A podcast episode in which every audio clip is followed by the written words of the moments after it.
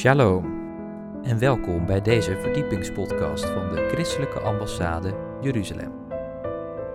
Mijn naam is Joshua Beukers en samen met Bijbelleraar Jacob Keegstra gaan wij een verdieping zoeken van de Hebreeuwse wortels van ons christelijk geloof. Vanavond gaan wij verder met waarom bidden voor Israël. Vijf redenen. Wij wensen u veel luisterplezier.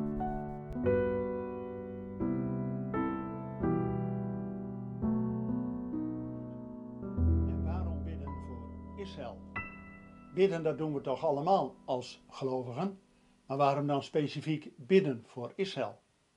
Welkom op een nieuwe aflevering in de serie Vijf redenen. We hebben het gehad met u over waarom Israël belangrijk is voor God, waarom Jeruzalem een speciale stad is, waarom Loofhuttenfeest van belang is. En vandaag willen we graag met u nadenken met vijf redenen waarom bidden voor Israël belangrijk is. Allereerst, en misschien wel de allerbelangrijkste reden, is dat God zelf dit aanreikt en zegt in zijn woord. Dus het is niet een bedenksel of een hobby van de christelijke ambassade, maar het is God zelf die zich ja, ontfermt over zijn volk en dit aanreikt in zijn woord. Zoals we bijvoorbeeld lezen die bekende tekst, Psalm 122, vers 6, waar staat: Bid om vrede voor Jeruzalem. Het is dus een gebiedende wijs dat God ook ja, tegen ons zegt dat we dit gaan doen.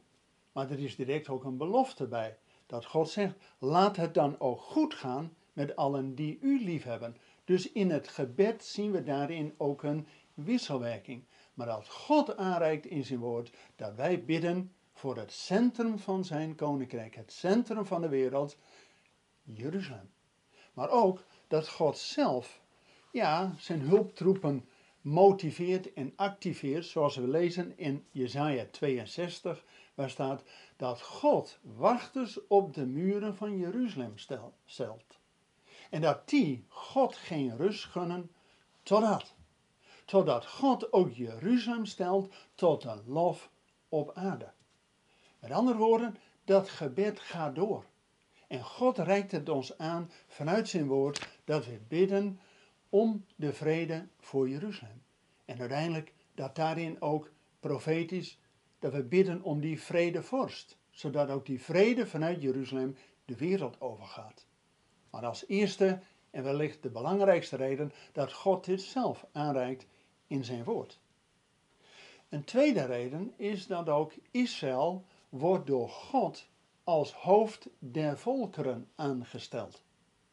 Direct al bij de roeping van Abraham, dat Abraham gezegend wordt om tot een zegen te zijn voor alle volken.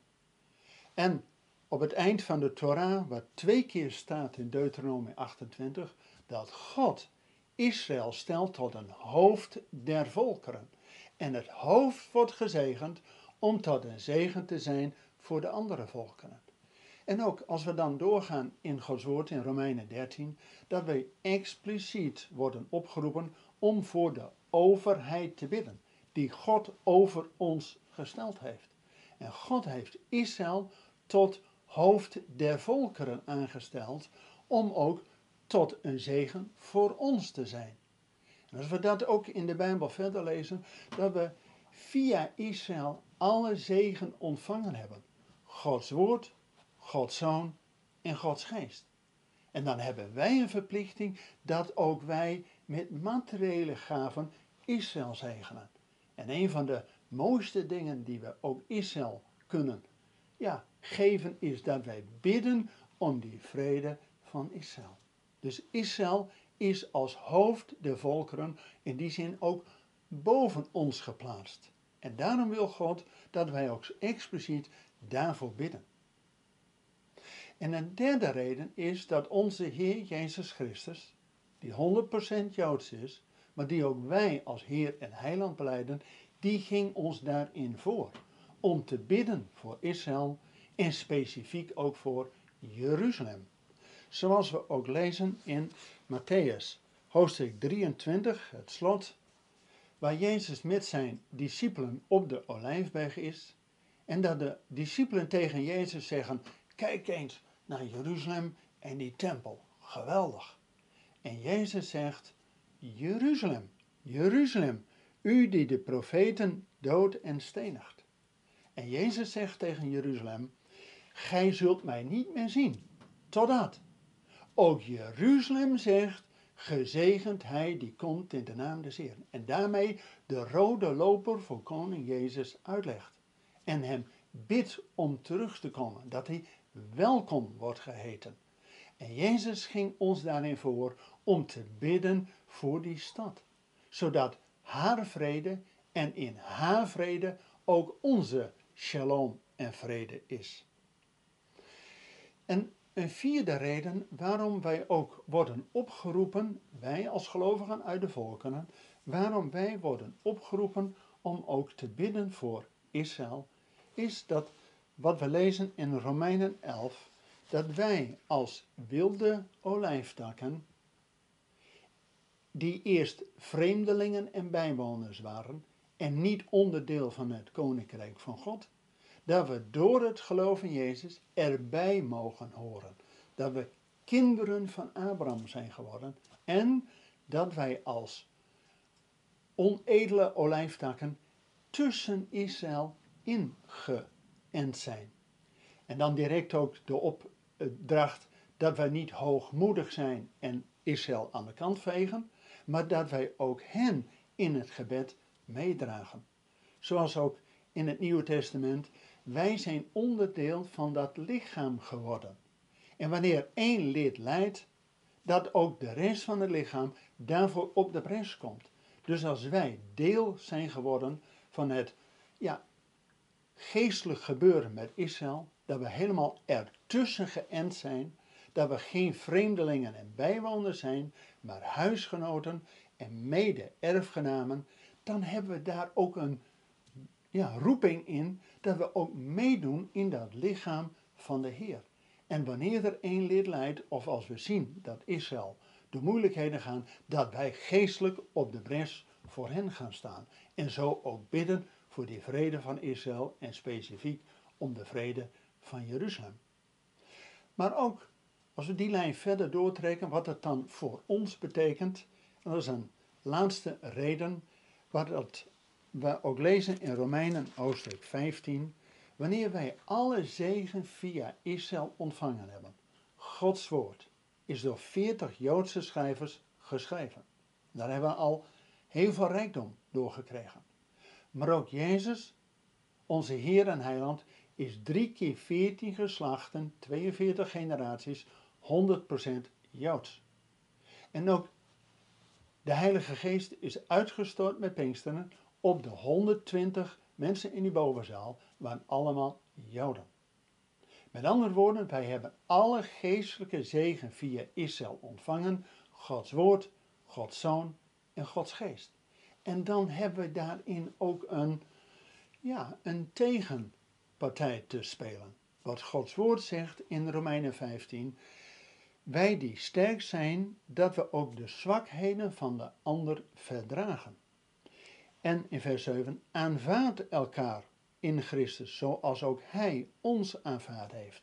En zodat we ook weer op de bres gaan staan, ook voor Israël, die door alle eeuwen heen nu eindelijk bezig is dat God dat volk weer terugbrengt.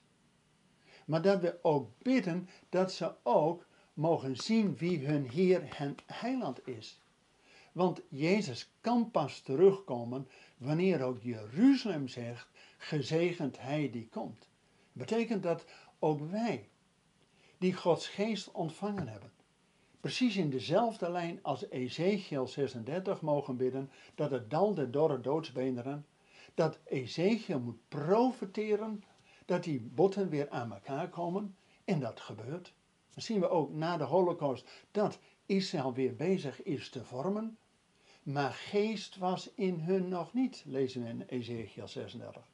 En dan moet Ezekiel een tweede keer profiteren tot de geest, tot de heilige geest, die tot de vier windstreken is uitgestort, zodat ook de heilige geest gaat blazen over dat volk, zodat het een machtig leger van godlovers, Juda betekent godloven, en dat ze ontvoorgaan in het loven en prijzen van onze God. En daarin hebben wij een taak. En daarom hebben wij het evangelie gekregen, zodat ook wij voor Israël op de bres komen.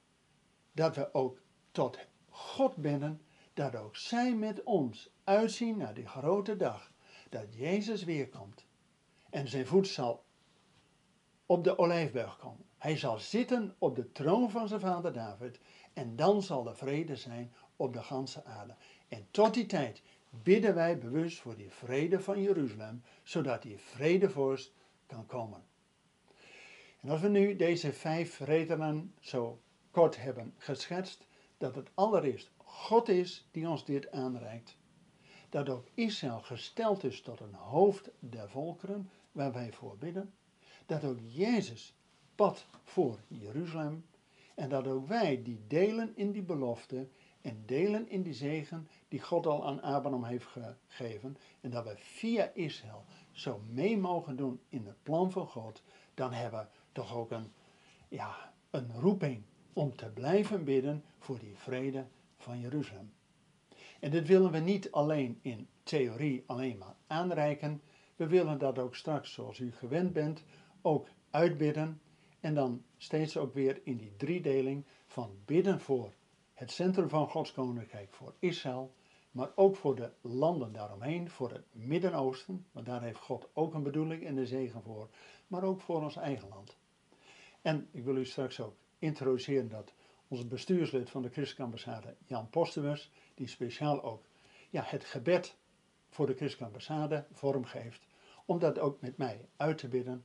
Maar allereerst gaan we kijken naar een filmpje dat we vanuit Jeruzalem ook worden ja, enthousiast gemaakt om te blijven bidden voor die vrede van Jeruzalem. Blijf kijken. I'm here from Jerusalem. It's a great joy and a great privilege today to share with you a very unique vision that the Lord placed upon my heart over the last couple of years. It is a vision that never left me. I saw the whole world encompassed by a wave of prayer that was circling 24 7 around our planet. It started wherever the sun was rising. I saw this wave emerging and going with the sun around our world. It grew so much that eventually it became a massive tsunami, a tsunami of prayer that was circling our entire planet. It started where the timeline of this world is starting, the Fiji Island, literally here from Jerusalem at the end of the world. But there, from Fiji, it went over to Asia, to China, over to India, to Africa, Europe, Latin America, until it would return back to the Pacific Islands. And this wave was circling every single day around the world, people rising up with the sun, seeking the face of the Lord. I was reminded very much on what the prophet Malachi says in chapter 1, verse 11, where he says, From the rising of the sun to its setting down, my name will be great among the nations. In every place, incense will be offered to my name, a pure offering. And I want to invite you today to become part of this wave of prayer.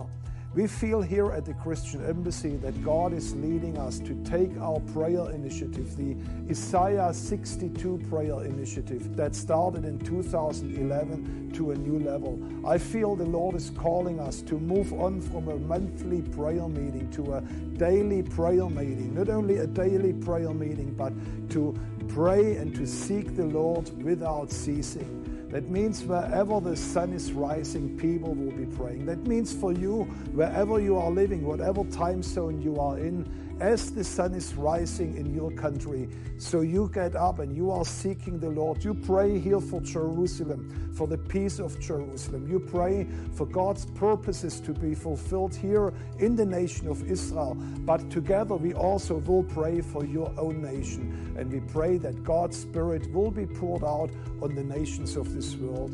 So I invite you to become part of this exciting prayer dynamic. Go to our webpage to ichprayerwave.com, click on join today and become part of this exciting new prayer wave.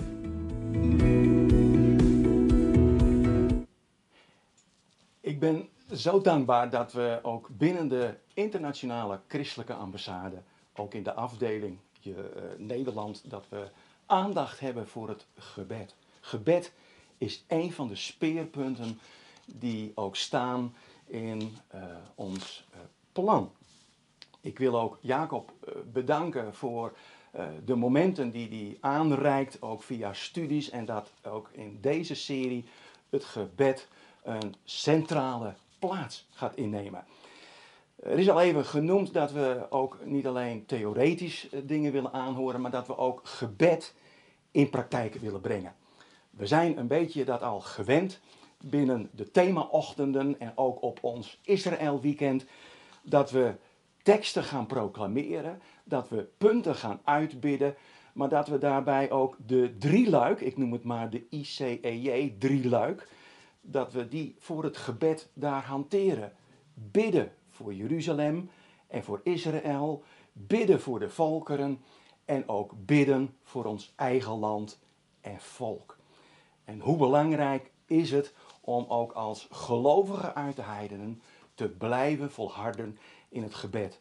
Dus waar u ook zit, deze momenten, bid mee en doe mee. En je kunt heel gemakkelijk wat dat betreft ook aansluiten, ook als we gaan proclameren. U mag die teksten ook thuis in uw huiskamer uitbidden.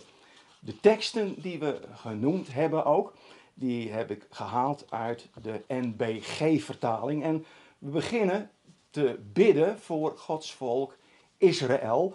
En we gaan gezamenlijk ook nu een tekst proclameren uit Psalm 122, vers 6 tot 9, die ook Jacob al heeft aangehaald. Laten we gaan proclameren.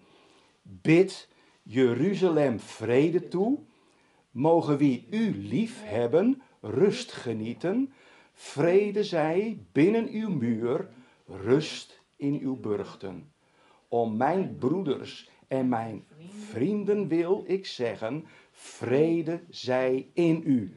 Om het huis van de Heere, onze God, wil ik het goede voor u zoeken. Halleluja. Amen. Laten we gaan bidden voor Gods volk en de vrede van Jeruzalem. Ik wil jullie en u daarin voorgaan. Liefdevolle Vader, God van Abraham, Isaac en Jacob. We willen gaan bidden voor de vrede van Jeruzalem. Zoals u ons dat als het ware opdraagt ook in Psalm 122. Bid Jeruzalem vrede toe. Vrede zij binnen uw muren. Ik bid ook, liefdevolle Vader, bescherm uw volk. Bewaar hen voor de voortdurende terroristische aanslagen. Ik bid ook om eenheid tussen de religieuze en seculiere Joden. Ik bid, heren, dat ze dichter naar elkaar toe zullen groeien en er eenheid zal zijn onder uw volk. Ik bid ook om wijsheid voor de Israëlische regering en in het bijzonder voor premier Bennett en ook de minister van Buitenlandse Zaken, Lapid. Ik bid dit in de naam van Jezus, de Messias. Amen. Amen. Het volgende blok wat we dan ook vaak hanteren is dat we ook bidden voor landen rondom Israël. Ook bidden voor de volkeren. En ook dat is heel belangrijk. En ook hierin zien we op dit moment een geweldige beweging. Kijk alleen maar naar de Abraham-akkoorden die gesloten zijn. En zo willen we ook bidden voor de volkeren rondom Israël. En daarvoor heb ik ook een tekst gekozen uit Psalm 83, vanaf vers 18 tot 19. Laten we de tekst opnieuw gaan proclameren. Laten zij, de vijanden van Israël, voor immer beschaamd en verschrikt worden, schaamrood worden en te gronden gaan, opdat zij weten dat alleen uw naam is, Heere, de Allerhoogste over de ganse aarde. Laten we in gebed gaan voor de punten die ook genoemd zijn. Liefdevolle Vader, ik dank u dat we ook midden mogen bidden voor de volkeren rondom uw land, uw volk. We willen bidden dat ook meer Arabische landen zich zullen gaan aansluiten bij de Abraham-akkoorden. Want uw woord zegt ook, wie Israël zegent, zal gezegend worden. Vader, ik bid ook dat in de naam van Jezus de spiraal van haat en vergelding wordt doorbroken. Ik bid dat er ook in de, in de journalistiek ontmaskering zal komen van de leugens over de, de valse berichtgeving over Israël. En ik bid ook om bescherming tegen de vijandelijke krachten en machten in de naam van Jezus.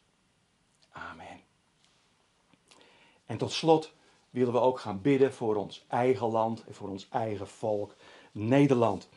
En ik heb daar ook een tekst bij aangehaald uit Ezekiel, hoofdstuk 39, vers 28, die ook gaat naar het terugkeren van Gods volk uit de wereld, vanuit de volkeren naar Israël. En ook als Nederlandse afdeling zijn we heel nauw betrokken bij het werk van de Alia, het terugbrengen van de kinderen Gods naar hun thuisland. Zullen we de tekst proclameren uit Ezekiel 39, vers 28. En zij zullen weten dat ik de Heere hun God ben, zowel wanneer ik hen in ballingschap wegvoer onder de volken, als wanneer ik hen weer in hun eigen land verzamel, zonder dat ik iemand van hen daar ginds achterlaat. Amen. Laten we bidden voor ons eigen land en voor ons eigen volk. Hemelse Vader, ik wil u bidden voor ons eigen land en voor ons eigen volk. Voor onze provincie en voor onze woonplaats. En ik wil bidden dat er een goede relatie tot stand zal komen tussen ons land en uw volk Israël. Ik wil ook zo bidden dat ons land Bedankt voor het luisteren naar deze verdiepingspodcast van de ICEJ. Waardeert u onze podcast? Steun ons dan met een donatie of ga naar onze website icej.nl. Volgende week gaan wij verder met de Bijbelserie Zicht op Romeinen, uit Romeinen 11, geënt op de edele olijf. Ik hoop dan dat u wederom naar ons gaat luisteren. Bedankt voor het luisteren en tot volgende week.